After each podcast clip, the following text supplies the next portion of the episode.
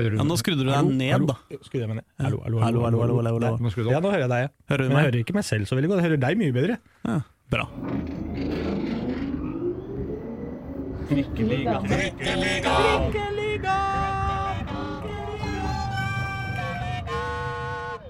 Da begynner vi!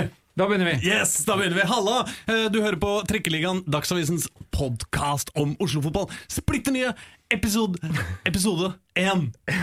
Herre min hatt. Jeg heter Aslak Borgersrud. Eh, Jeg er egentlig Oslo-journalist, eh, politikkjournalist, men eh, litt grann sport innimellom for, for gleden av å oppleve Vålerenga. Og jeg er en slags programleder for denne podkasten, men vi er en redaksjon på sju folk, og i dag har jeg med meg to stykker, så vi kan begynne med deg. Hei, Reidar. Hei, hei. Hei. Reidar Solli heter du. Du er sjefen. Jeg er sjefen Yes. for den som heter sportsredaksjonen i Dagsavisen, som da het Arbeiderbladet da jeg begynte der i 1978. I Dette er veldig lenge siden. Ja. Hvor, hvor, eh, hvor, hvor, eh, hvor er du fra, egentlig? Jeg er fra Grefsen Disen, eh, i, for å relatere til fotball, ca. 300 meter fra Skeidbanen. Som i dag heter Nordre Åsen. Nordre Åsen. Som da ligger på Disen gård, er da det helt presise beskrivelsen av hvor jeg er vokst opp. Spilte du da fotball da du var eh, barn? Nei, da, da spilte vi fotball på Løkka. For den gangen var det ikke, ikke vanlig å melde seg inn i fotballklubber. Det var ikke sånn at hele skoleklasser meldte seg inn i fotballklubber. Men vi lagde våre egne gatelag. Jeg spilte for Disen United. Og vi hadde dueller mot Bjørnar fra Øvrige Grefsen. Meget, meget dramatiske kamper. De store stjernene de meldte seg inn i Skeid og Lyn og slike lag som fantes på den sida av, av byen. Men uh, Løkkefotballens høytid, det var på 60-tallet. Jeg ante ikke at du var så gammel. Nei, det er det ingen som, det er det ingen som tror. Jeg trodde du avisa het Sosialdemokraten når du Ja. begynte her, men uh... Men jeg var, det morsomme var at jeg var totalt uinteressert i fotball da min far tok meg med på sin første, den aller første kampen, cupfinalen i 1966. Mm. Lyn Fredrikstad på Ullevål stadion. Jeg syntes det bare var mas. Og så har jeg lest meg opp i ettertid at det var 30 500 tilskuere på den finalen. Det er ikke mulig å tenke seg i dag. Nei. En meget dramatisk kamp. Den som jeg har lest i ettertid, Harald Berg var en av målskårerne på Lyn. Er det han som heter Dutte? kalles også Dutte. Mm. Mens det ble da, kampen ble avgjort i siste minutt av en som het Arne Pedersen på Fredrikstad. I mine øyne da, jeg var ti år gammel, han, så- han så ut som han var 72 år gammel. Han var skalla og gikk fram stivbeint og satte den straffen i mål. Og så Samme år så ble Skeid seriemester. Det er siste gang de ble seriemester i fotball. Det gikk meg hus forbi. Året før spilte Skeid og Frigg tre cupfinaler. Det er jo eneste gang det har vært et Oslo-derby i, i cupfinalene. Er det den eneste gangen? Ja. I, på 60-tallet? Eneste gangen i historien det har vært et byderby i cupfinalen. Og da spilte de opp til to omkamper, for da hadde de tid til på den, gang, den, den gangen. To omkamper? Så uka etter, liksom? Ja, altså Cupfinalen tok tre uker. Huh. De spilte på, spilte på Ullevål og, og, og Bislett. Men jeg var som sagt helt uinteressert, så dette gikk jeg glipp av. Men hvem heier du på, da? Heide du på da du var Da, da jeg på, når jeg ble interessert, så heier jeg på Skeid fordi jeg var vokst opp ved, ved Skeidbanen. mm. Og kunne gå ned og se, se Kjell Kaspersen trene. Han var jo den største, første fotballkjendisen i Norge. Fordi han blei sammen med Lee Babs. Så da tok det jo av i alle, alle ukebladene. Dette er sånn, Det var du som ansatte Arne Strand i Dagsavisen? Det høres nesten sånn ut. Men, da, men øh, for å skru det enda nærmere i vår tid, så begynte jeg som sagt i 1978 for første gang. I Dagsavisen? Ja, Arbeiderbladet? Jeg har vært ute noen ganger etter det, men jeg har kommet tilbake. Og da var en av de første kampene jeg husker som jeg var med å dekke, var Vålerenga-Skeid på, på Ullevål stadion. Hmm. Og grunnen, jeg, grunnen til at jeg husker den, jeg husker ikke så mye av det som skjedde i, i kampen, men jeg veit at Skeid vant 3-2. Mm. Da var det adgang til garderobene et, etter matchen for alle journalister. Og det, det husker jeg at jeg, Med en gang jeg åpna døra og kom inn der, så måtte jeg til VIFs garderobe. Så rakk jeg å dukke, for det kom en, det kom en støvel tvers gjennom rommet. Som en helt illsint, rasende Odd Iversen pælma uh, i veggen gjennom hele garderoben. Fordi de hadde tapt, selvfølgelig. Og da, Mm. da skjelte han ut alt og alle. Og det var fullstendig hysteri inni den garderoben. Det er mitt første minne som ansatt i Arbeiderbladets sportsredaksjon. Du kunne blitt drept av Odd Iversen. Kunne blitt drept av Odd Iversen på første, første besøk. Sammen med vår gamle legendariske sportsredaktør Sjur Averholm. Herre min hatt, her er det en del ting vi må eh, tilbake til. Men Eh, først så må vi få med deg, Håkon. Ja, hyggelig. Hei, Håkon. Håkon Thon. Ja. Eh, Du er egentlig sånn hockeyfyr, du. Ja, ja, nei, jeg er vel egentlig en sånn fotballfyr som ja. har blitt en sånn hockeyfyr, som nå har blitt litt begge deler-type fyr. Ja. Men du er fra Manglerud. Mortensrud. Mortensrud. Du bare heier på Manglerud. Ja, og det er ikke den første som bommer på Manglerud og Mortensrud. Men det er Manglerud som er det nærmeste laget i ishockey, da. Men eh, nærmere, finnes nærmere fotballag. Ja. Ja. Hva, hva, hva er liksom din, din fotball har, du, har du spilt fotball? Ja, ja, ja. ja. Ja, ja, ja, ja. Jeg er mye yngre enn eh, mye yngre enn Reidar, jeg vet du. Skulle du, kanskje ikke tro det, men du hadde strømper og leggskinn og alt mulig? ja, vi hadde strømper og leggskinn og fotballsko òg, faktisk. Men hva spilte du på? Mortensrud? Klemetsrud heter laget derfra. fra Klemetsrud, vet ja. du. Laget til blant annet Aminori, da, som, eh, som er Vålerenga spiller nå på lån i HamKam, da, men eh, Mm. han er en av våre liksom store helter da, fra Mortensrud. Spilte ikke Giyas Sahid Giyas Gia? Sahid eh, spilte der, ja. Ja, ja. Og ishockey så har vi jo Olim-gutta er jo derfra. Og det, er, eh, det, er, det, er, det, er, litt sport der ute òg. Men hvilket, eh, hvis, eh, hvis du liksom eh, Når du eh, etter hvert eh, som du vokste opp liksom, Hvilket eh, fotballag eh, er ditt eh, for, for ditt hjerte til å bruse?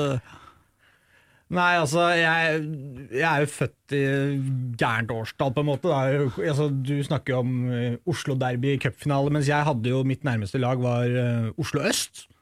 Som ikke nå eksisterer lenger, da.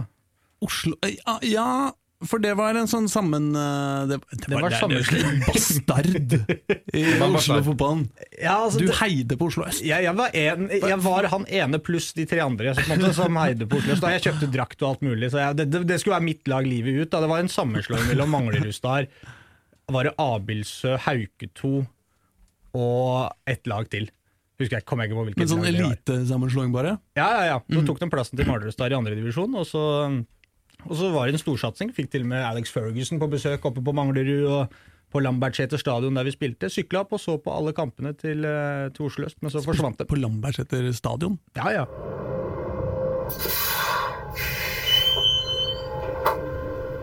Hva nå, da? Hva får meg opp av senga, mener du? Ja, Hva får du opp av senga etter at Oslo Øst døde? Nei, da blei det ishockey, da. Ja, det var- Og Manglerud der istedenfor. Ja, ja, Så det blei vel egentlig det. ja. Så, så dette med Oslo-fotball er bare rein plikt og jobb for deg? Ja, nei, Nå har jeg på en måte fått litt hjerte for mange, da, for å si litt sånn, litt hjerte i flere klubber. Mm. Mens øh, jeg, jeg koser meg jo veldig med å reise rundt og, og henge rundt på disse forskjellige anleggene vi har i Oslo, og dekke Oslo-fotball er jo kjempemorsomt, men jeg har ikke noe sånn noe sterkere følelse overfor den ene eller den andre. Nøytrale journalister, ass. Fy Men nå har vi sitter sittet her, og, men vi lurer på Aslak eh, sin spennende bakgrunn. Som, du er jo musiker for oss store store makt. Det står jo på skjorta di 'Hiphop is bigger than the government'. Ja, ja, det, det er faktisk sant. Og så har du framstått som en usedvanlig glødende VIF-entusiast. Ja. Hvordan det? Hvordan oppsto det? Nei, altså jeg er liksom oppvokst i gamlebyen og på Vålerenga. Eh, Det så, jeg, eh, så mora mi bodde i gamlebyen og, og faren min på, på Vålerenga, så, så liksom gikk jeg ned gjennom Kvernerdumpa da, eh, hver tirsdag og torsdag for å se Vålerenga hockey egentlig først. Eh, det regna alltid, og vi måtte stoppe på Ryenbua og kjøpe sånn lollifiss som bare kosta én krone, sånn godteri som man kunne spise, og som ble ekstra godt når det regna, for den ble sånn soggy og, og, og klinte. um, og så, så da var det jo egentlig hockeyen da, da, men så ble det fotballen eh, etter hvert. Så jeg husker at jeg var, jeg var jævlig fotball sånn rundt 1990. Da jeg, altså jeg er født eh, jeg var, var det ikke 1978 du eh, begynte i eh, Arbeiderbladet? Jo, jo. det, det er det året jeg ble født, da. Akkurat. Ja, Ja, det er så, god link. så rundt sånn 1990 begynte jeg å gå på Bislett uh, og, Ja. og fotballkamper, og det var da VIF-klanen ble, ble til i 1991. Så det var jævlig mye som skjedde rundt uh, Vålerenga da. Det var sånn knallhard kamp eh, internt om, om liksom hva slags klubb Vålerenga skulle være, hva slags supporterklubb klanen skulle være. Og, og det var sånne der kamper mot uh, altså sånne der, uh, Man greide å liksom kaste ut rasistene eller nazistene fra som Naziene prøvde å, å blande seg inn i VIF-klanen og sånn. Altså, det var en ganske sånn derre sånn kampsted, liksom, hvor, hvor det var jævlig mye som skjedde. Og jeg var sånn Egentlig dro aleine på fotballkampen på Bislett. Det er jo ganske sånn tidlig, så det var sånn 12, eh, 12-13 år. Og ble jo liksom kompis med litt sånn folk i klanen, sånn voksne folk, da. Og som syntes det var litt rart og litt fleit flaut med han bitte lille fyren. Så de liksom holdt litt for øra mine når de sang de mest grisete sanger om analsex. Og, Ja, Så du ble tatt hånd om altså, av klanen? Ja, ja, det blei egentlig det, altså. Men skjønte du den rasismeproblematikken? Ja, Var ikke du for ung for det? Nei, ikke egentlig for ung for det, ass. Eh, Da var jeg var ganske opptatt av sånt eh, ganske tidlig, for å, for å være helt ærlig. Men du sleit ikke med kjønnsorganropene som gjalla utover Bislett? Nei, nei, så, jeg, syns, jeg, syns, jeg savner egentlig litt, litt kjønnsorganroping. Jeg syns det, var- jeg syns det var gøy. Ja, For I den settingen så er det, så er det helt, helt greit? Ja, ja, ja, ja jeg syns det er jeg, har ikke korona som men Jeg har litt, litt, litt seig hoste. Faen. Nei, jeg er jo veldig glad i supporterkulturen når det er på sitt aller, aller mest eh, tullete. Ja. Og, eh, og jeg savner jo Egentlig savner jeg det litt. Da. Liksom, på slutten av 90-tallet, hvor, hvor eh, VIF Klan virkelig vokste til å være en gigant eh, organisasjon, liksom, og det var liksom alle som brydde seg om Vålerenga i det hele tatt, var liksom med i VIF-klanen, det var 10 000 medlemmer, og, og liksom eh, man eide liksom hele langsida på en diger tribune, og alle sang, og jeg syns jo det var jævlig fett, men, men samtidig så i det man ble liksom så svære, og så begynte å, å, å bli litt mindre igjen. Eller, liksom, eh, så så syns jeg jo i det at man missa noe av den derre Det derre Den derre absurde Altså sånn derre Man synger sanger om, eh, om liksom å pule hverandre i rumpa. Altså, det, det, altså Og så det, Altså det, det er litt gøy, liksom. I den settingen var det gøy. Ja, det, er, det er jeg jeg livredd for nå i denne koronatida, at, at den der tribunekulturen, om, eller supporterkulturen, da, vi, Mm. visner det litt nå. Altså Det er 200 på tribunen, det er jo helt latterlig. Ja. Det, det blir jo ikke noe liv. Nei, det, Men, men eh, hva skjer etterpå? Det er jeg veldig spent på. Når vi kommer ut av Og, og hva skjer med den tribunekulturen? Er det, er det noen som holder liv i dette her? Ja, jeg tror det er jævlig mange som savner det. da Men øh, også Vålerenga har i hvert fall hatt en veldig sånn klar linje, eller i supporterklubbene da, i Vålerenga, at man ikke skal eh, ikke skal lage noen sånn half-ass-greier. Man skal ikke prøve å få 50 supersangere inn på kamp for å liksom eh, late som om man har eh, en tribune. Det har liksom vært helt flatt. sånn Har du sesongkort, så har du et lodd i trekninga om en, om Ja, en, om en billett. Men det har jo gjort at altså vi, Jeg har jo vært på veldig mange, nesten alle egentlig, hjemmekampene til Vålerenga i år som journalist. Og det har jo vært veldig sånn derre eh, Veldig variert, da. Fordi har du de fem folka som virkelig er hipp på å starte sanger og, og kline til, så er jo de andre 200 med. Fordi alle som har sesongkort på Vålerenga er jo i stand til å synge, synge litt sanger iblant, liksom.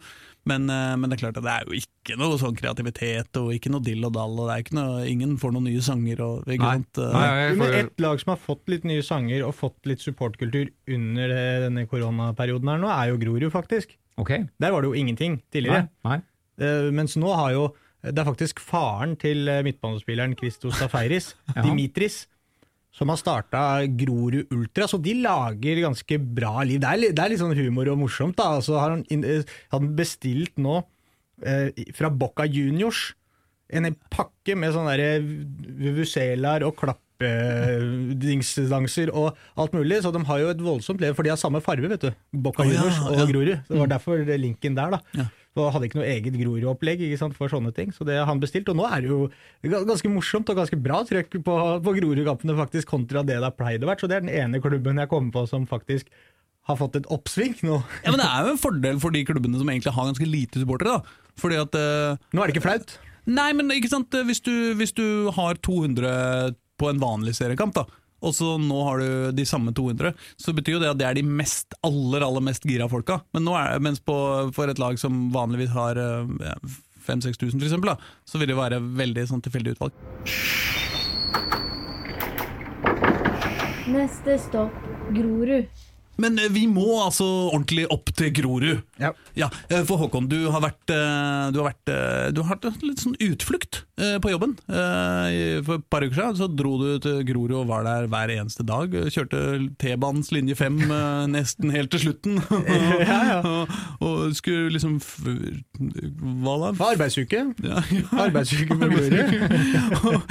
Men så du må, du må fortelle hvor- hvordan, hvordan var det liksom Hvordan er det som journalist egentlig? Å bare dra liksom til en eh, fotballklubb eh, som Grorud? Ja, der må man vel kanskje først og fremst skryte litt av klubben, altså av Grorud. Eh, og for så vidt alle de andre klubbene som vi jobber med. Veldig åpne dører overalt. Du kan, det, sånn har det alltid vært. Måte, når vi har kommet opp der, så, så er det aldri sånn at det passer ikke. Jeg kan kjøre opp dit egentlig nesten når som helst, og hovedtrener Kjøne han, han er klar uansett. Hvis ikke han skal ha trening. Ja. Uh, så det ligger jo mye på dem, men, eh, men det, sy og derfor så ble det på en måte ikke så utfordrende, da, som man kanskje kan tenke seg at det kom hit som journalist, de ble litt restriktive på hva kan vi si og hva kan vi ikke. Altså, Her var det åpne forhandlinger om spillere de skulle hente inn foran meg. Så var det selvfølgelig ikke alt jeg kunne skrive. Nå, nå har jo de henta inn bl.a. han ene Sindre Osestad, var det vel, fra, fra Larvik, som de diskuterte veldig. Da sant? da får du et innblikk i hvor mye de faktisk ønsker denne spilleren. da. Hvor mye ønska de han? Det er veldig. Altså, det prata om det hver dag. og liksom, Hvordan går det med han, og har vi prata noe mer med han i dag? Og, og sånn og sånn. Og når de så, nå så jeg at de hadde fått den eh, tidligere i uka, da, eller var det på slutten av forrige uke, vel, da var det eh, Altså, eh, da skjønner du på en måte altså, For meg så er dette ja, en spiller fra Fram Larvik, hva kan han tilby, liksom? Men når du har sittet der og hørt hvor mye Eirik Kjønne faktisk har lyst på den spilleren, så blir det liksom, ja, morsomt for dem at de fikk til det da, til slutt, at den gikk gjennom. Og det er gøy å liksom se på disse prosessene som vi på en måte bare skriver sluttresultatet av. da, er morsomt å høre hele Når du prosessen. diskuterte det der, diskuterte om økonomi, for jeg skjønner ikke hvordan en klubb som Grorud har råd Ja. noe som helst. Ja, det, er, ja, det går vel Ja, de diskuterte vel egentlig ikke så mye økonomi, tror jeg faktisk. Det var vel mer sånn at de diskuterte øh, situasjonen hans, da. Om han Ja. kunne fått dra til Grorud, og kunne han spille der. og Jeg tror det var litt mer på det, for det er vel ikke snakk om voldsomme penger som er i sving her for disse spillerne. Eh, akkurat konkrete summer, det, det snakka de ikke så mye om der heller. Men det er klart det er litt i økonomien der, og da var jo daglig leder Jon Ole Reinhardsen, og styreleder Rikard Pedersen, og hovedtrener Eirik Kjøne og assistenttrener Johan Gjønnes. Da det var de fire liksom, som Ja. stort sett satt der og diskuterte, men Så er Oslo by noe å tilby, da, som, som de kanskje ikke har å tilby i Larvik. Ja. Men jeg husker jeg snakka med en midtstopperen her som, ikke, som kom til Grorud. Han ante ikke hvor det var. Han trodde jo Grorud lå ved Sognsvann. Men det spiller ingen rolle. De hadde et fotballag, og de hadde ikke minst Erik Kjøne som, en, som kanskje det største studentalentet i, i norsk fotball. Ja. Så det i seg sjøl var jo brakte han til Grorud. Men det var på en måte en av de morsomme aspektene med å være der. altså det, det, det, Jobben på kontoret, og det, liksom være med på den fleipen. at De var så, de var så veldig nedpå. da. Virka ikke som de var noe stressa over, at, over at jeg var der i det hele tatt. Eh, og så fikk jeg jo være med på uh, Jeg starta uka med bortetur uh, mot Raufoss. og Da satte jeg jo på med materialforvalter Espen Johnsen og så mediasjef Frode Englund. Som, ja, De skravla absolutt hele veien, og kjempemorsomt. Spiste noe asiatisk mat oppe i Raufoss som vi var litt skeptiske til, men som viste seg å være helt fantastisk bra. Og alt, altså sånne, Det er disse småtinga, da, helt til jeg får lov til å kjenne på alle deler av klubben. Fra materialforvalteren til arrangementansvarlig Miguel Paulos. Ja, hva? Du har ikke kjent på materialforvalteren? Nei.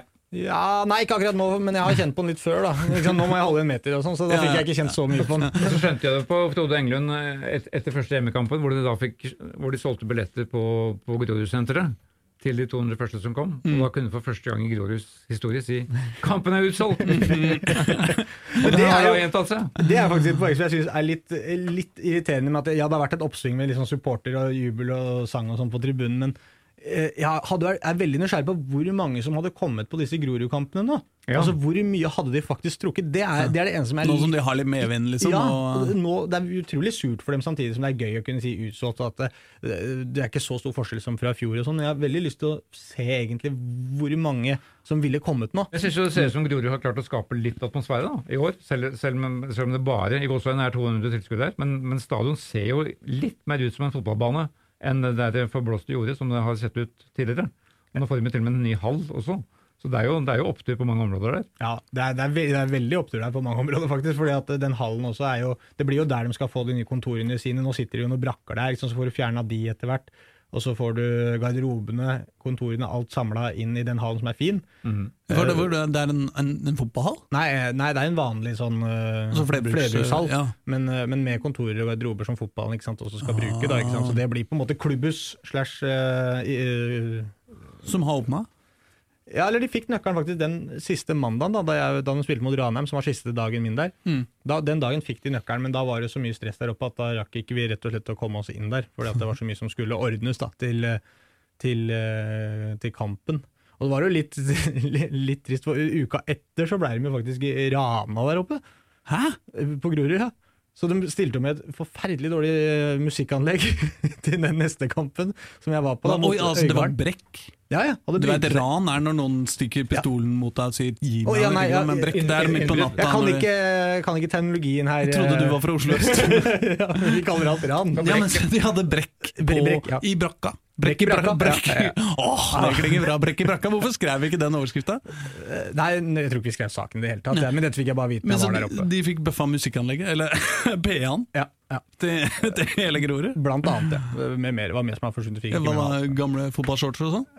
Ja, nei, Jeg husker ikke alt, som sagt, men det var det som på en måte vel kanskje var det viktigste. da, som jeg kom på. Men bare for å avslutte Grorud litt her, så har jeg lyst til å bare si at eh, for Grunnen til at jeg dro opp i utgangspunktet, var jo for at vi skulle prøve å finne ut av hva som var suksessoppskriften. Altså, De har jo hatt en vanvittig sportslig suksess der i mange sesonger. Ja, for det er ikke lenge siden de var nede i, langt nede i dumpa i Nei, de var i hvert fall i andre divisjon, og de kjempa jo flere sesonger i toppen i andre divisjon, men så bytta de jo Rolf Teigen med Eirik Kjønne, og da trodde vel folk egentlig at nå dette blir tøft. De hadde jo var det ni eller sju spillere eller noe sånt midt på vinteren der, før de skulle starte sesongen, og så ble det nummer to på tabell to, eller tre. Tre ble de vel første sesongen der, Mm. som var en kjempeopptur, og så har de bare balla på seg fra det.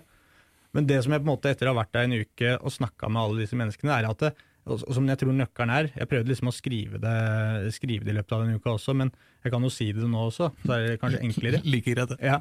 Eh, og det er jo at det, For det første, det er jo veldig mange unge, uh, ambisiøse folk. Altså spillere er unge. De har det yngste laget i, i første divisjon. De spiller jo med De vinner jo den runde, runde for runde, som stiller med yngste laget nesten hver eneste gang. Ja. Uh, treneren er ung, assistenttreneren er ung, daglig leder er 31. Ikke sant? Og så har du én veteran da, i Rikard Pedersen. Mm. Uh, som, på en måte, men, han, men han gir dem en sånn veldig frihet. Han setter ingen sperrer. Det er ingen som sitter, ikke sant, som de påpekte, det er ingen som sitter der oppe og sier sånn har vi alltid gjort det på Grorud. Her er det full åpenhet, alle får lov til å prøve og feile litt. Mm. Og så ta, det, det, det som blir resultatet av det, er jo at alle får et veldig sånn eierskap til det de driver med. Dette er vårt prosjekt. Det er vi som har skapt dette her. Og, og det gjør at de legger ned eh, kanskje den ekstra timen som alle andre også legger ned, men de legger ned med like mye energi òg, da. Ikke sant? At, Og det tror jeg skaper en sånn der, eh, veldig sånn fremgang, og hele klubben er med på det. Når jeg snakka med hun Vilde Mollestad Risla, som er leder for barneavdelingen der, Mm. og hun, uh, hun sier at dem for sju år siden, da var det så mye hull i alle alderskull oppover hele. Mens nå har de jo et uh, akademi der som fungerer nærmest, nesten på eliteserienivå.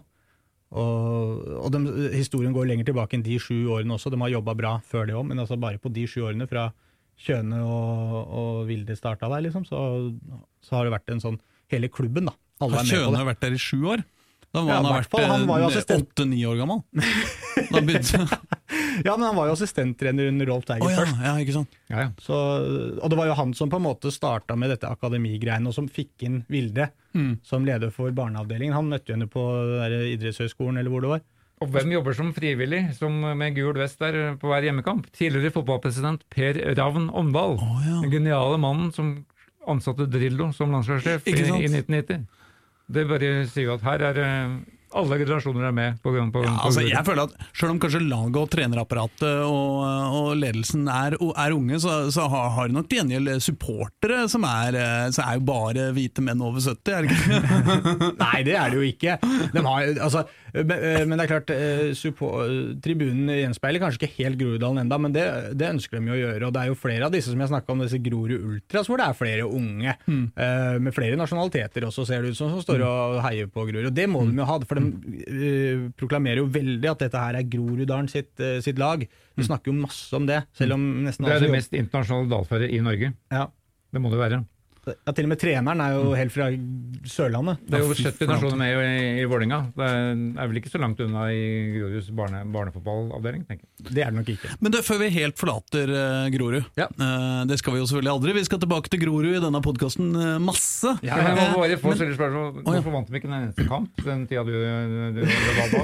Og så vant de med en gang jeg dro. Ja, nemlig. Ja, du er deres dårlige talismann. Det var jo som jeg sa, det var jo som jeg sa til dem, at, eh, at dette, dette å få meg på besøk, det kanskje kostet dere noen poeng. Ja, alt tyder jo på det. Ja, men, eh, men, men forhåpentligvis så, så vil den der åpenheten deres skaffe dem en del poeng på lang sikt. At man er villig til å på en måte høre og lytte og ta inn alt og vil ha klubben sin ut til folket. Da. Men eh, jeg tar på meg skyld. Jeg, var, jeg var, fikk jo være med litt på liksom, dette analysearbeidet. Jeg var egentlig mest fornøyd når assistenttreneren kom inn og spurte ja, da kan du gjette da, Håkon, hvor mange, mange innleggssituasjoner hadde vi mot Raufoss mot oss? Og så sa jeg ja, 30-40 45? Så ble han helt stille. Ja, det er riktig. Ja, det.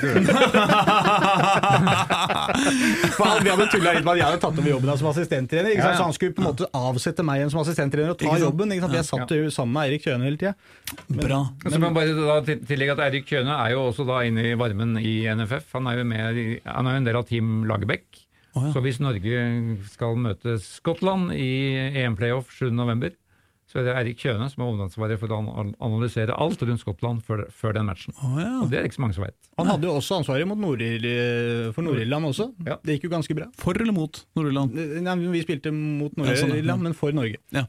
Jo, men jeg, jeg bare øh, øh, Nå har vi snakka så mye om eh, alt mulig rundt, men jeg lurer litt på liksom selve fotballen og på Grorud. Og så er det noen spillere der som altså Du sier det er ungt lag. De er jo, ligger jo lunte litt sånn i øvre halvdel i hvert fall av Obos-ligaen. Er det noen spillere der vi kommer til å se liksom, som kommer til å ta over eh, verden i Eliteserien eller landslaget eller eh, noe sånt? Ja, definitivt. Det er flere, flere kandidater til det, faktisk. Det har jo høyrebekken som er ute nå, da, Leo Kornic. Mm. Er jo U-landslagsspiller og et kjempetalent. Mm. Uh, og har hatt en fantastisk sesong. Og Christos Safaris på midtbanen, som jeg snakka om. 17 år gammel eh, gutt som født i Aten, da. Og eh, kom til Norge, bor nå på var det Årnes. Årnes- Han syntes det var, var helt greit, det var ganske stille sånn. Men begge disse kom fra Vålerenga, gjorde de ikke det? Jo. Ja. Begge er fra, kom fra Vålerenga, ja. Så, og dette har jeg jo snakka med flere om tidligere, hvor, altså disse talentene til Vålerenga som man stadig vender tilbake til. Hvorfor forsvinner de ut? Og sånn. jeg snakka litt med Gard Holme om faktisk det. Mm. Uh, Gard Holme er treneren til Skeid. Ja. Han var jo tidligere Vålerenga 2-trener. Eh, som han sa, men du må huske på det, vet du, Håkon, at eh, det er ganske mange gode i Vålerenga. Så hvis du er et kjempetalent på midtbanen, så kan det godt hende at det er tre som er eh, like gode eller bedre. Og at du derfor kanskje må finne deg en annen klubb. Så sier, hvis du ser på spillere som har forsvunnet ut, det er ganske mange som har kommet gjennom Vålerenga-systemet også, så man må liksom ikke bli helt blind på at ok, her var det en som forsvant for Vålerenga, dro til en annen klubb og blei kjempegod. Men det er klart, det er, det er, et viktig poeng å ta opp at Vålerenga har jo har jo veldig lyst til å bygge en Oslo-profil. og da Christos Safaris for eksempel, han spilte 19, var det 19 minutter vi fant ut, i tredjedivisjon for Vålerenga 2 forrige sesong, da i tredjedivisjon. Mm. Og nå har han uh, spilt så å si alt denne sesongen, altså i hvert fall etter at Elias uh, Kristoffersen Hagen dro til Bodø-Glimt. Så Han spilte en del før det òg, så det er en ganske vanvittig utvikling. Så det, De to er jo to virkelig, virkelig eh, store profiler. Og så har de jo Nikolai Ristov, en wing, som er bra, og Oskar Aga, som også er U-landslagsspiss, som eh, er på topp der, som er toppskåreren deres. Mm. Straffefenomenet. Han, Han ble straffefenomen etter to første straffesparkene, som han satte knallhardt i vinkelen, begge to. Det er da- deilig, altså. Det er kjempedeilig å se på. Og da, og, og da var jo løftet hans, skjønte jeg, at han, det skulle skje hver gang. Mm. Han skulle sette alle i, opp i vinkelen. Så når da Glory fikk straffe tredje gang, da var jo alle obs på han. Og så satt den over, eller var det Nei, skjøt, nei, ja, Eller keeper redda, keeper redda fordi han satte plutselig ballen ned. Ja. Han skulle bare fortsatt. Ja, ja, han skulle det. Da han kom inn i boka til han Josimar-journalisten som har jobbet hos oss, som har laget en egen bok om straffespark. Ja, Nils Henrik Smith. Riktig. Ja.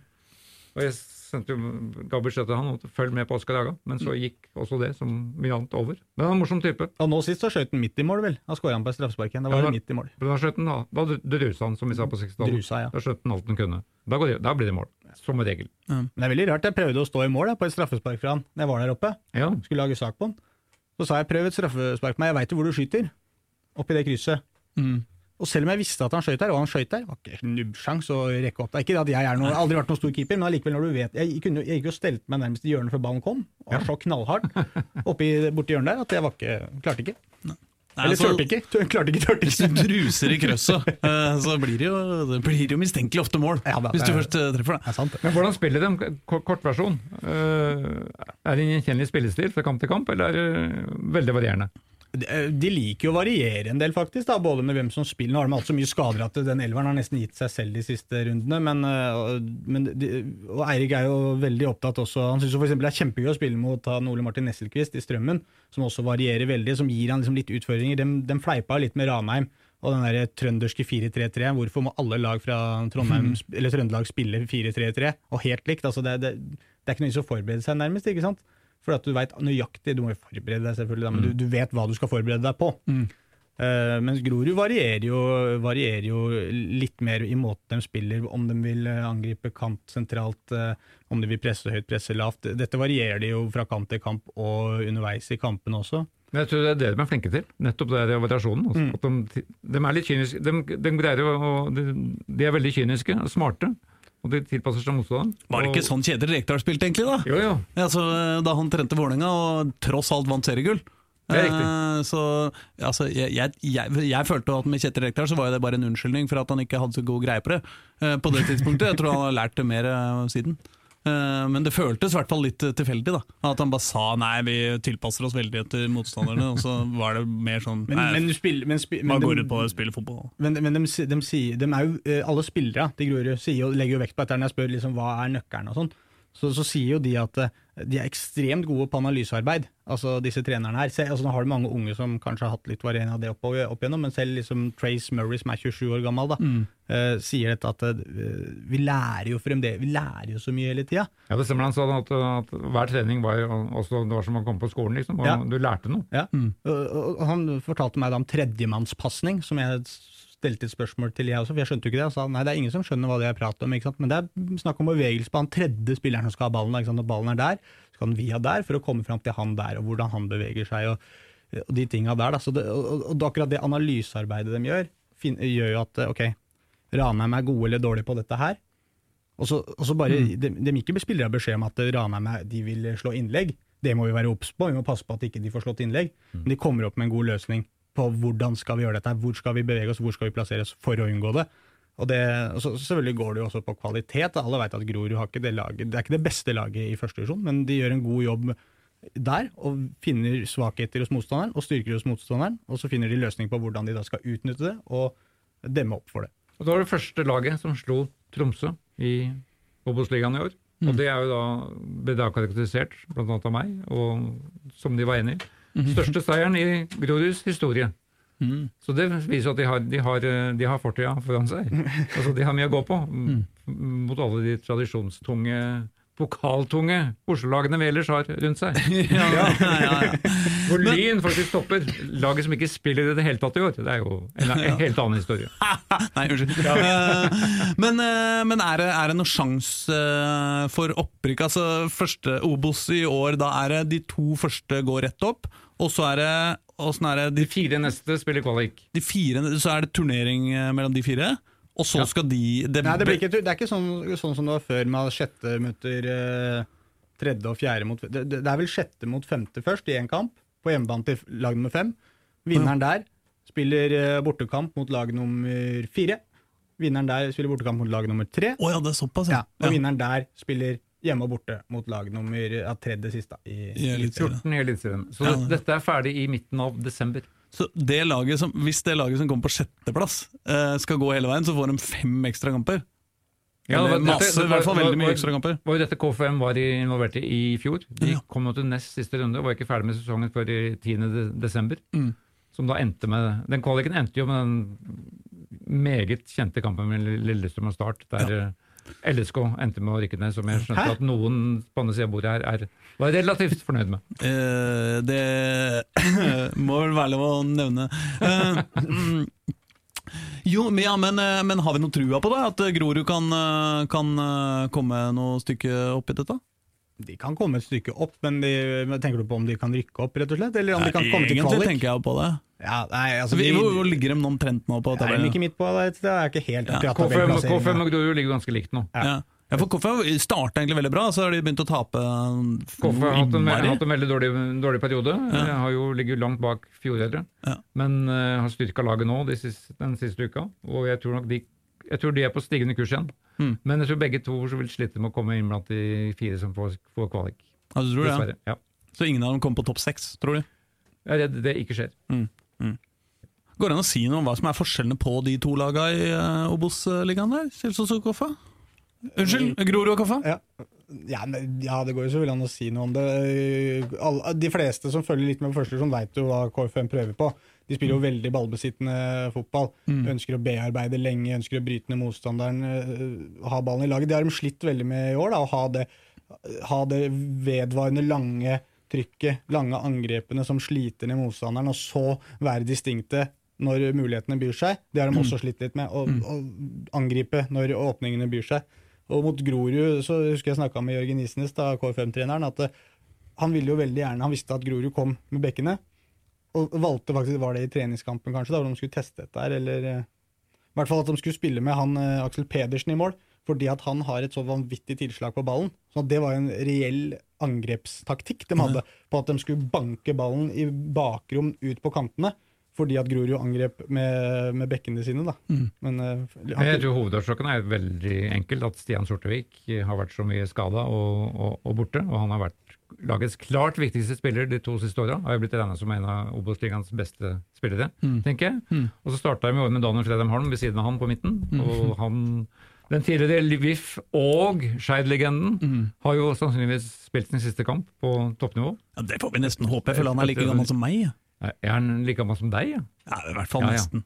Men det tror jeg noen av hovedårsakene, særlig Stian Sorteviks fravær i stor del av sesongen, har veldig mye å si. Og så er det jo eh, Robin Rask som heller ikke starta sesongen, som var viktig da, for dem som en sånn ballsentral der. Ja. Og han, eh, han har jo spilt det siste nå, har ikke vært så god som han var forrige sesong, men det kan ha litt med at han litt sånn trøblete oppkjøring. da, ikke sant? Og så Keeperen også, Knut André Skjærstein, var jo ute en lang periode der, så de har, de har hatt sentrale, viktige, gode spillere ute da, i, i perioder i starten av sesongen, som gjorde at det kanskje ble en sånn ruskete start, og så blir man usikre. Og så har de jo mangla helt en offensiv linje, altså som leverer. Han har jo rullert på den, eh, den treeren sin i angrep der hele veien. Prøvd, prøvd ut alt. Kastrati, begge Mola-gutta på høyre og venstre.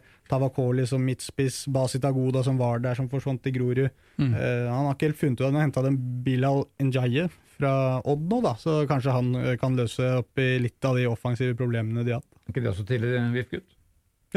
Han er fra Holm, Holmlia, egentlig. Syns du ringer en bjelle, i hvert fall. Ja.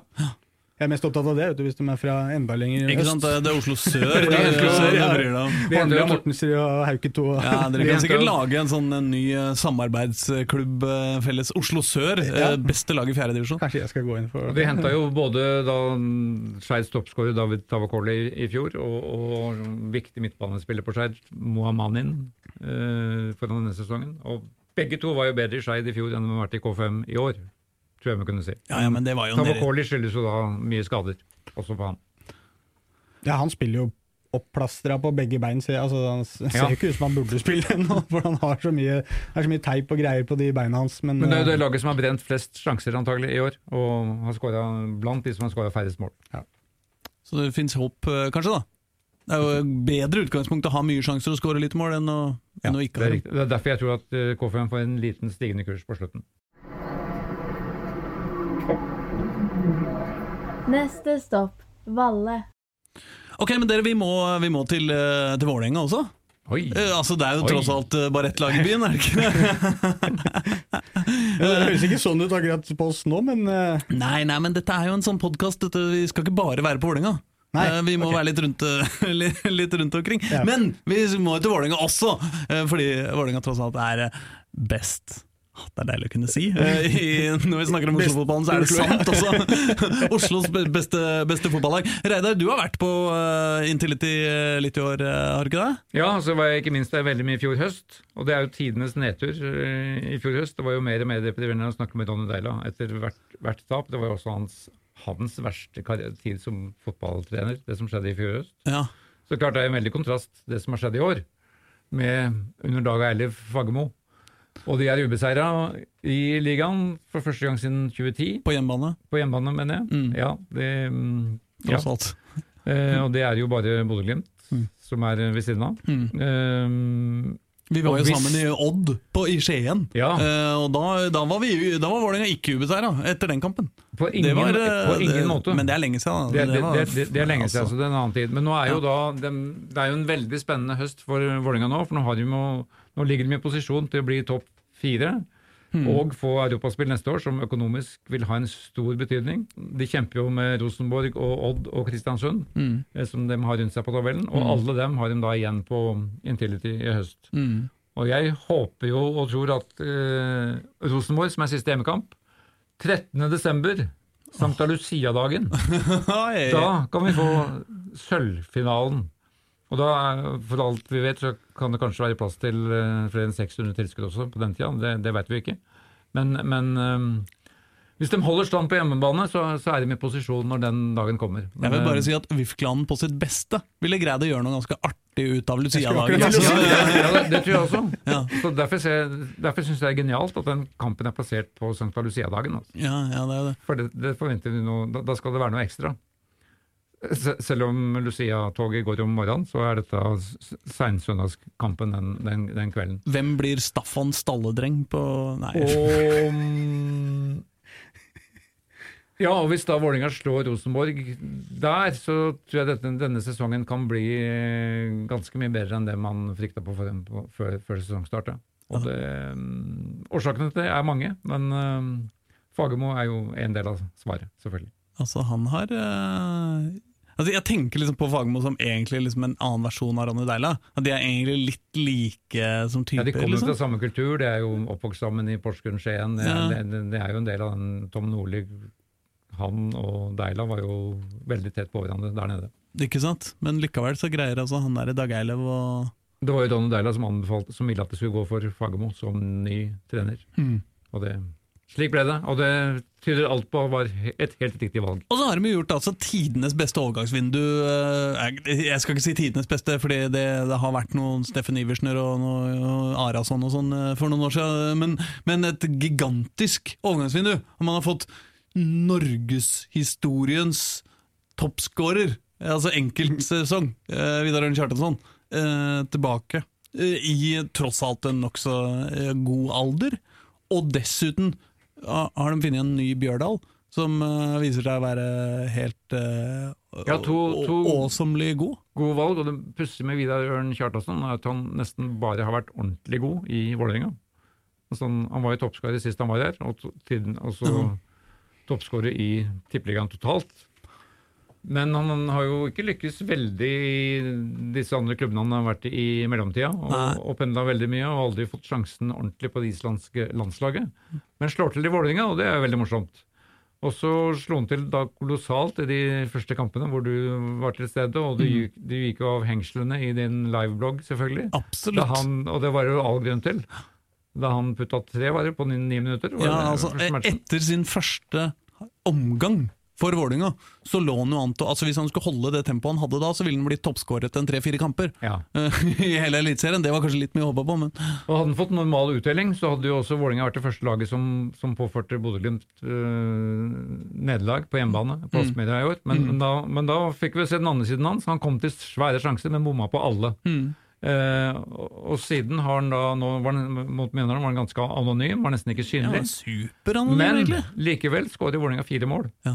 Fordi en av effektene ved å hente den er at han tar veldig mye oppmerksomhet fra, for motstandernes uh, forsvarsspill. Mm. Og da kommer andre VIF-spillere mer fram. Og det skjedde da mot Mjøndalen. For Akkurat så- sånne forklaringer pleier jeg å være veldig skeptisk til, når folk sier det. at det liksom, ja, men han, altså, Folk sa jo det om Williamson uh, også veldig veldig, veldig lenge, at uh, ja, man skårer ikke så mye mål, men han er så viktig for laget, og han åpner rom og skaper sjanser. Men det hjelper jo ikke når det ikke blir mål. Men det skal jo sies at vi hadde jo en sak i Dagsavisa før Kjartansson kom. Uh, jeg tror vi skrev den, i hvert fall så tenkte vi på den. Um, om, nei, men om at, om at da var Vålerenga det eneste laget i Eliteserien som ikke hadde en eneste kamp med mer enn to mål.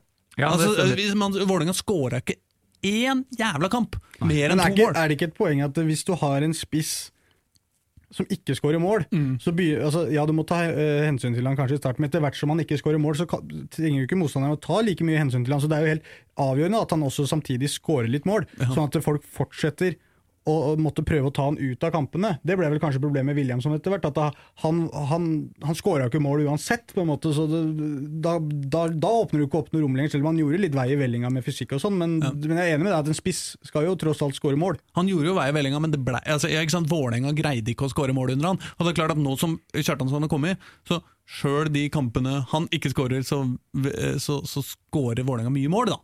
Ja, ja. Eh, Eller i hvert fall ved, et par anledninger. Eh, Så, så, så da det, det, er mer det er, det er kanskje greiere å tilgi da en, en spiss som ikke skårer mål når laget ditt skårer fire. Sjøl om to av dem var litt sånn derre eh, Ballen gikk høyt i været og traff en måke og spratt eh, høyre og venstre, Ja og så trilla inn i mål bak en keeper som hadde Men der har Drillo ja. helt rett. Latterflaks er den mest undervurderte faktoren i, i fotballen Ja. totalt sett. Og det, det hadde Vålerenga da i den kampen her. Men jeg syns det er mer det er nesten mer overraskende at Henrik Bjørdal har slått ut på den måten han har gjort. Ja. For det, det, det så ikke jeg, at, at Vålerenga hadde det behovet på indreløperplass, men han har jo faktisk vist at uh, altså Der hadde Fagermo rett i sin analyse av han.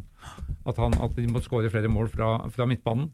Altså, på løpene til indreløperne. Og der, der har jo Henrik Bjørdal vist det. Og han var jo en han er et navn og en spiller som jeg ikke tror var veldig kjent i VIF-kretser før tror, han kom. jeg tror ikke jeg hadde hørt om den. Jeg, jeg, jeg nei, kan liksom ikke huske navnet. Jeg visste ikke at det fantes to Bjørdalere. Altså, Vålerenga har jo en annen midtstopper som heter, som heter Bjørdal. eh, Johan Legre. Lædre. Lædre. Læ, læ, hva da?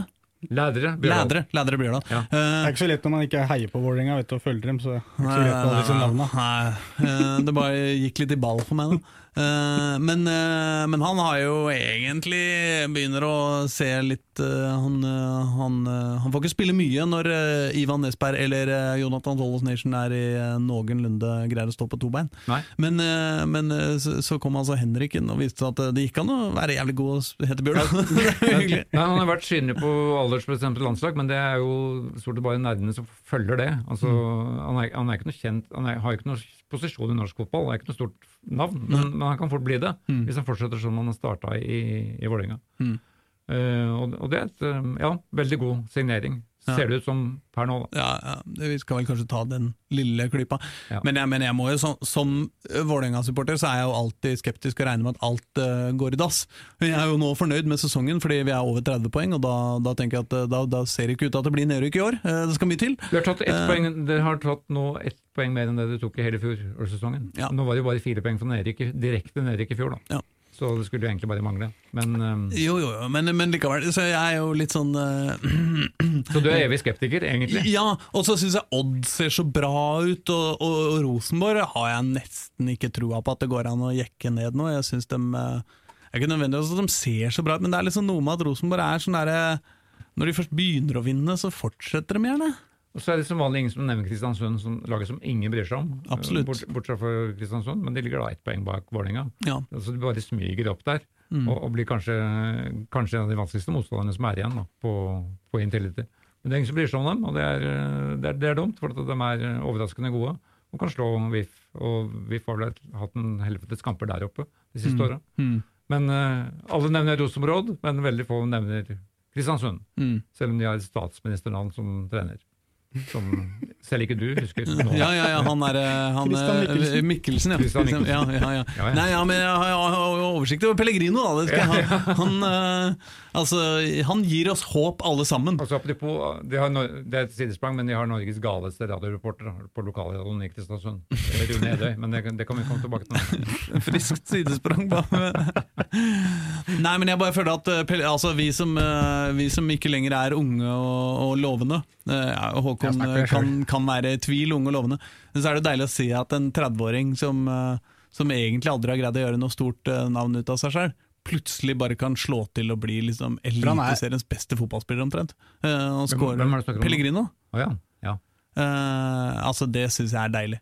Eh, det er virkelig noe av det morsomste i årets sesong, sånn sett, men, men altså Men hvem tror du blir toppskårer i, i Vålerenga i år? Nei, jeg tror Det, det, fort blitt, kan bli det har jo vært Bård Finne nå i Ja, årevis. Jeg tror fort det kan bli Bård Finne, altså. Ja. Jeg syns jo Han er jo på utgående kontrakt. Han spiller jo nesten aldri fra start. Han spiller nesten aldri fra start. Han spilte fra start mot, uh, mot Mjøndalen, men det var fordi Aron Dønum var ute med gule kort. Ja. Uh, nei, altså, jeg må si at uh, jeg er veldig glad for at det overgangsvinduet kom og gikk, uten at det skjedde noe med Bård Finne. fordi han er jo på utgående kontrakt, og jeg er jo litt sånn redd for at Altså Det ryktene sier, er at Dag Eilev er innmari streng på, liksom at, på, på løping. da at skal du være wing i Vålerenga, så skal du følge motstandernes wing helt tilbake, alltid på hvert eneste løp. Du, ikke, du får ikke lov å gå i angrep og legge et uh, innlegg, og så kommer det en kontring mot, og så blir du liggende der oppe og lunte, liksom. Det går ikke. Og, og liksom det, det, sier ryktene eh, sånn, eller sånn jeg forstår det, da. Det er ikke bare rykter, det er helt riktig analyse. Han er jo Bielsa-inspirert, altså Leeds-trener Bielsa. Ja. Fagmos yndlingsklubb i England. Han har jo vært på studietur der. og det er som han sa første gang, skal du spille for meg, så skal du løpe. Ja. Og det er jo uh, tydeligvis uh, har han noe å utsette på Bård Finne på akkurat den fronten, så han lar han ikke spille så mye. Men det er jo helt greit om Bård Finne er uh, litt av og på-spiller hvis han har tenkt å skåre en 12-14 mål i løpet av en sesong. så går eller han kommer kanskje ikke helt opp dit, men liksom, litt sånn ordentlig tall. da. som wing, som innbytter og wing, hvis du greier å score, hvis du greier å bikke ti da, så er det ingen som kommer til å klage. Men spørsmålet er om Bård gidder, da eller om han eh, får lyst til å eh, dra videre til et, eh, til et, sted hvor han får spille fast. Særlig nå som han er på utgående kontrakt og sikkert kan få en deilig liten sign-on-fee. Han er jo egentlig liksom, han har jo vært i Bundesliga, og han, ja, ja han har, jo, han, han har jo ambisjoner. Ja, det er klart Han fullfører jo, uansett sesongen for Vålerenga. Ja. Han, men han har jo en mental utfordring i at han aldri starter, og det har han jo inni meg sjøl òg. Det, det, er jo motivasjonen. Han, han har spilt mye for VIF 2, det blir mm. liksom ikke helt, helt det samme. Mm. Men han har da satt personlig rekord i år. Altså, han har aldri skåra mer på huet enn det han har, det han har gjort i år. Så han, han, han, når noen nye milepæler, da. Ja. Men spennende hva som skjer med han. Hvis uh, du skulle ha uh, vært sportsdirektør i Vålerenga, et lite øyeblikk. Uh, og så skulle du tenke ok, hva er den neste posisjonen Vålerenga trenger å fikse? Vi skal kjøpe en ny spiller. Hvilken posisjon ville du kjøpt en ny spiller til? Jeg ville tro at de nå Ville bytta deg sjøl som sportssjef. ja, først må det skjer, da. ja. Men nå har de jo kjøpt så mye spisser i år, så der, der må de ville litt. Nå har de jo både Stokke og, og Ørn mm. inn, mm. Mm. og så fikk de han innerløper nå. Jeg tror at eh, det er litt sånn skjørt på midtstopperplass, at de trenger en ny stoppebauta. Man veit ikke hvor lenge Johan i Nation. Nation. Nation. Det er så mye navn på disse folka. Ja. Og så han ledere, Johan Leder Bjørdal. Og ja. Det er altfor mange navn. Du må finne en mistopper med kort navn, mm. og som, som en, kan bli en bauta der i fem-sju år framover. Mm. En, en, ung type. Altså Kristoffer Ayer-type, liksom. Mm. Eh, jeg tror kanskje det er det de er ute og kikker litt etter nå. Selv om både Tollås Nation og Nesberg, som er jo en av Han har vi egentlig gitt lite kreditt foreløpig. Han er jo en av kanskje årets mest fremgangsrike VIF-spillere. Ja, det må det Og det er intet hadde vært morsomt om han etablerte en plass da som fast midtstopper. Men Tollos Nation jo, har jo den alderen han har. Det har leder i Bjørdal også. Mm. Og ledere spiller på høy risiko. Det vet jeg er en av grunnene til at han ikke har, spilt så mye. Så de trenger en ung eh, framtidsstopper ved siden av Ivan Nesberg. Det var jo en eh, viss eh, Nakkim som eh, forsvant til Strømsgodset og gjør eh, Nei, til Mjøndalen. Ja. Uh, og gjør kjempesuksess der uh, nå. Så hvis de, hvis de rykker ned, kanskje han kan lokkes tilbake? Hvis han ikke er sur, da. Det kan være han er sur òg, fordi han har liksom fighta så mye. Jeg har veldig sans for Nakke. Han har en egenskap som, aldri, som, han aldri fikk vist i Vålinga. Han fikk mm. vist det på Vålinga 2 i fjor. Han har, mm. har en frisparkfot ut av en annen verden. Mm. Uh, han satt jo inn skåringer fra nesten 30 meter for VIF 2 i fjor, men han mm. fikk jo aldri sjansen på, pålaget, for det skulle Bård finne av frisparka. I, I Mjøndalen er jo alltid farlig, er han jo alltid farlig i boksen og på ja, ja. cornere og sånn. Ja, så, så jeg, Man husker han jo best i Vålerenga, for da pleide han å spille med hjelm, uh, og det var litt rart.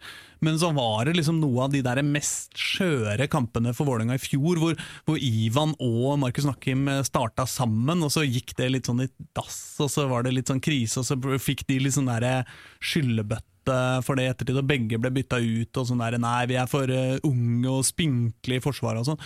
Mens Ivan har jo gjort en gigantiske steg. Han har jo til og med blitt en offensiv kraft, han også. De spiller crossballer, uh, presise langballer over hele altså Ting som vi ikke kunne se for oss at han skulle gjøre bare for et år eller to siden. Ja da, og så ville da Fagermo svart på denne utfordringen her, om at han, at han mener at de har folk fra rekruttlaget. Altså Brage Skar og ja han Holmé som, har- som har spilt der. Men, men Holmé, med, han eh, litt sånn svære, runde, veldig, skalla veldig stopperen. fysisk svær eh, kar. Han skåra to mål han, for rekrutten fra midtstopperplass Stemmer her om dagen. Men samtidig har jo det rekruttlaget egentlig skuffa litt i år. da. Altså, Ja. de, de klarte jo ikke sluttspill og blir til sju beste, selv om de har brukt masse spillere fra A-leget i, i, i mange, mange av de kampene. Men det er klart de har, de har folk i, i yngre rekker òg. Men, men filosofien til VIF er jo å, å få fram egne, egne talenter, men at de må ha noen bautaer som de må hente hvor som helst fra. Men de de henter, skal gå rett inn på laget og styrke det. Mm. Eh, sånn som man har da gjort med både Vidar Ørn og Henrik Børdal, som gikk vel rett inn på laget fra første kamp Ja. Helt uh, til slutt, altså vi har jo babla babla i, eh, i langt og lenger enn langt, men vi må altså, hva, altså har vi noe uh, hvor, hvor tror vi at Vålerenga herrer kan, kan ende i år? I og med at de har hjemmekamper mot alle disse lagene som de eh, kjemper med, så Ja. tror jeg de ender som nummer tre Etter. bak, Molde, nei, bak Glimt og Molde. Og du tror Molde reiser seg igjen, du? Ja ja, de er, på, de er to poeng foran Vålerenga nå. Jo, jo, De men er- de har jo kollapsa litt, da. Ja, de, de, de kollapsa litt og, og var liksom veldig nær Mesterligaen, men ikke så veldig nære likevel, kanskje. Mm. Eh, jeg tror de får et lite løft i avslutninga. Hva med deg, Håkon? Nei, Man kan vel klare en sjetteplass i år òg, er ikke det som er målet? Det, pleier, nei, det, er jo, ja, det er jo over sjuendeplassen, da. Ja, er- fornøyd med sjetteplass. Ja, altså jeg tror du, du tar feil, da, Reidar. Jeg tror at uh, Rosenborg tar andreplassen. Uh, men det kan være at Vålerenga tar tredje, så sånn sett at du har rett. Men jeg tror Molde ryker uh, på, på huet og ræva ut. Ja, Litt ønsketenkning også, kanskje. Jeg kjenner jo at det hadde vært morsomt Morsomt om Vålerenga faktisk går forbi eh, Molde, syns jeg. Altså Morsommere faktisk med Rosenborg på andre enn Molde, syns jeg. da. Jeg har, eh, det er min personlige mening, trenger ikke å se sånn på meg. Snodig form for humor du har. Nei, jeg, Forutsetning er at Vålerenga slår Rosenborg i den berømmelige Sankta Lucia-kampen, som den har blitt Det- omdøpt til eh, ikke sant? 13. desember. Det Det, må skje. kan jeg bare kjapt Åge Hareides første kamp på Intility. Det er en veldig grei anledning til å slå Rosenborg den, den dagen. det er sant. Kan jeg bare kjapt spørre, eh, du sier Dag Eilev? Du sier Dag Eilev. Altså, egentlig sier jeg Odd Eilev, uh, bare fordi jeg syns det er uh, lettest uh, Nei, men jeg veit ikke. Han jeg- skriver med V, men uttales med F, eller? Ja, dette har jeg ikke gått i dyb- dybden med, men det skal, vi ut, det skal vi spørre ham om neste gang vi treffer ham. Jeg har en gammel kompis som heter Eilev, eh, så kanskje Eilev. det er derfor jeg er vant til Eilev. Eilev. Ja, Eilev. Eh, Noe der. Eh, Men eh, vi har en masse andre lag i Oslo-fotball nå som vi ikke har uh, rekket gjennom i denne gangen, men som vi skal komme tilbake til kanskje allerede neste uke. For eksempel så er det jo faktisk et Oslo-lag som kan risikere å vinne serien i år. Og det er ikke helt ubetydelig. Uh, Vålerenga damer skal jo også ha et, en sånn superkamp mot Rosenborg, og den er ganske nær, er den ikke det? 18. oktober 18. oktober, på Intility det også. på Intility. Vålerenga-Rosenborg, og det, der skal vi, det skal vi bry oss om. Det blir, og da kan også Vålerenga ha inn 600 tilskuere. Og det håper jeg de fyller den dagen. Og da blir det atmosfære rundt den matchen der. Og jeg syns det er veldig bra at Trondheimsøren har enda nevnt Rosenborg, for da, da er det liksom et, blitt et fotballag der oppe òg. Syns du det? Jeg syns det er usympatisk, jeg. Ja, nei, jeg, jeg syns det er veldig greit. Jeg syns, alle disse lagene i disse rare byene skal, skal koble seg på hoved, hovedlagene, hovedklubben. Da. Det er sånn som i Oslo, vi snakker om Lyn og Vålerenga, det er det som har navn. Men Røa er jo det som har vunnet mest av dame, damefotball i Oslo. Ja. Både serie og cup. Men rød er liksom ikke noe fotballbegrep for meg. Ja, men, det deg, men det, det jo, det, da har jo de sin egen identitet. Må de liksom tagge Ja. long på mannen, mennas identitet hele tida? Ja, Men du visste ikke at det var damefotball i Trondheim før Rosenborg kom nå? Jo jo, det visste jeg, ass. Ja, du gjorde det? Du hadde fulgt med Trondheimsøren intett? Nei, ikke, ikke spesielt intenst, men jeg bare f- Ja Det ja, er samme, samme som, det. samme som Eileskog, som egentlig da var Setskog Høland. ikke sant? Ja, Det svinger jo mer at det heter Lillestrøm. Det gjør jo ikke det, Det vet du. Nå, nå heter det jo dessuten SK LSK kvinner. Ja, ja, nei, det, Ja, det er ja, håpløst. ja, ja, ja. Nei, men øh, jeg syns, øh, jeg syns det er gærent. Jeg syns til og med det er gærent at de skal hete kvinner. Og da, Ja. altså, det, det, liksom, da skal faen meg Vålerenga Hvis du skal- Hvis, hvis Vålerengas mannelag på tabellen heter Vålerenga menn, så syns jeg det er saklig at øh, damelaget skal hete Vålerenga damer. Men ellers så må Ja, det bare hete. Vålerenga. Ja. Uh, Men Vålerenga kan nå for første gang i historien vinne serien. Vinne toppserien. Ja. Og det heier vi på. Det hadde vært uh, ganske gøy. Eh, de, de neste gangene så skal vi kanskje også komme litt sånn eh, nøyere inn på disse andre, disse andre divisjonslagene. Vi må, vi må jo nevne Skei, da. Som, Vi må jo nevne Kjelsås. Som i snakkende Kjelsås er ferdig med sesongen. Jo, jo, men de, må, de skal være, være, få lov å være med Ja, litt. de skal få være selvfølgelig. De har jo eh, en av de mest sympatiske hjemmebanene i hele fotballen. Det er jo få steder som er koseligere enn Grefsen stadion. Men Jeg trodde det du mente i form av at de har gitt fra seg mye poeng der i år. Veldig det skal vi komme tilbake til. Men, men Skeid har jo da en, en teoretisk mulighet til å rykke opp i Obos-ligaen. Eh, I og Å, med ja. at de da ligger på det er vel fjerdeplass i annen divisjon, men de er bare to poeng bak den annenplassen, som gir kvalifisering. Og de skal inn i et uh, sluttspill. som Det er jo første gang at det er sluttspill i norsk, norsk fotball. Men det er egentlig bare en forlengelse av serien. Bare at de Mm. sju beste lagene fortsetter. Ok. Ehm, og da skal de, Det er så Fredrikstad som vinner den avdelingen, da, som eh, i praksis nesten har rykka opp allerede. Det har vunnet alle kampene i år. Mm, ja. Men så er det den plassen som skal møte det andre to-laget i den andre avdelingen. Mm. Før de skal møte da tredje sist i Obos-ligaen. Så den, det løpet er heller ikke avgjort før i midten av desember. Å, herre min hatt, det er eh, mye Men strømpebukser vi et, et trenger. her. høydepunkt eh, de, de har jo nå både De har Fredrikstad. På, hvis Nordre Åsen noen gang blir klar, så har de iallfall Fredrikstad i hjemmekamp. Og så Ja, de har et par nøkkelkamper, da. De har tre hjemmekamper igjen i den, det såkalte sluttspillet, som egentlig er en forlengelse av serien. For de tar jo med seg poengene de har, inn i, den, inn i det seriespillet. Så Obos-ligaen kan bli skikkelig trikkeliga til neste år. Ordentlig trikkeliga neste år. Hvis eh, lykken står Skeid bil. Det kan bli hyggelig. Sa, sa, sa. sa, sa, sa. Ikke Skeid, men Vålerenga. Unnskyld. Eh, dere, vi, jeg tror vi sier takk for oss. Er Fint at du hørte på. Eh, send oss en eh, tweet på at trikkeligaen hvis du har eh, noe du lurer på om Oslo-fotball, eller eh, at du er rasende over dårlig lyd på jinglene, eller, eh, eller eh, Håkons eh, irriterende smil eh, som du har følt eh, gjennom podkast-dingsen din. Og så er vi tilbake eh, neste uke. Da kanskje det er med noen andre eh, i studio. Eh, jeg har greid å slåss meg til at jeg kommer til sitte her uansett, altså. men, eh, men eh, vi, vi bytter litt på eh, forskjellig i Dagsavisas Oslo-redaksjon. Fordi vi er så innmari mange, og vi følger Oslo-fotball så sjukt tett. Så det er ikke plass til alle i radiostudio her hos Radio Metro, som vi er så heldige å få lov til å låne. Hei, Oslo øst.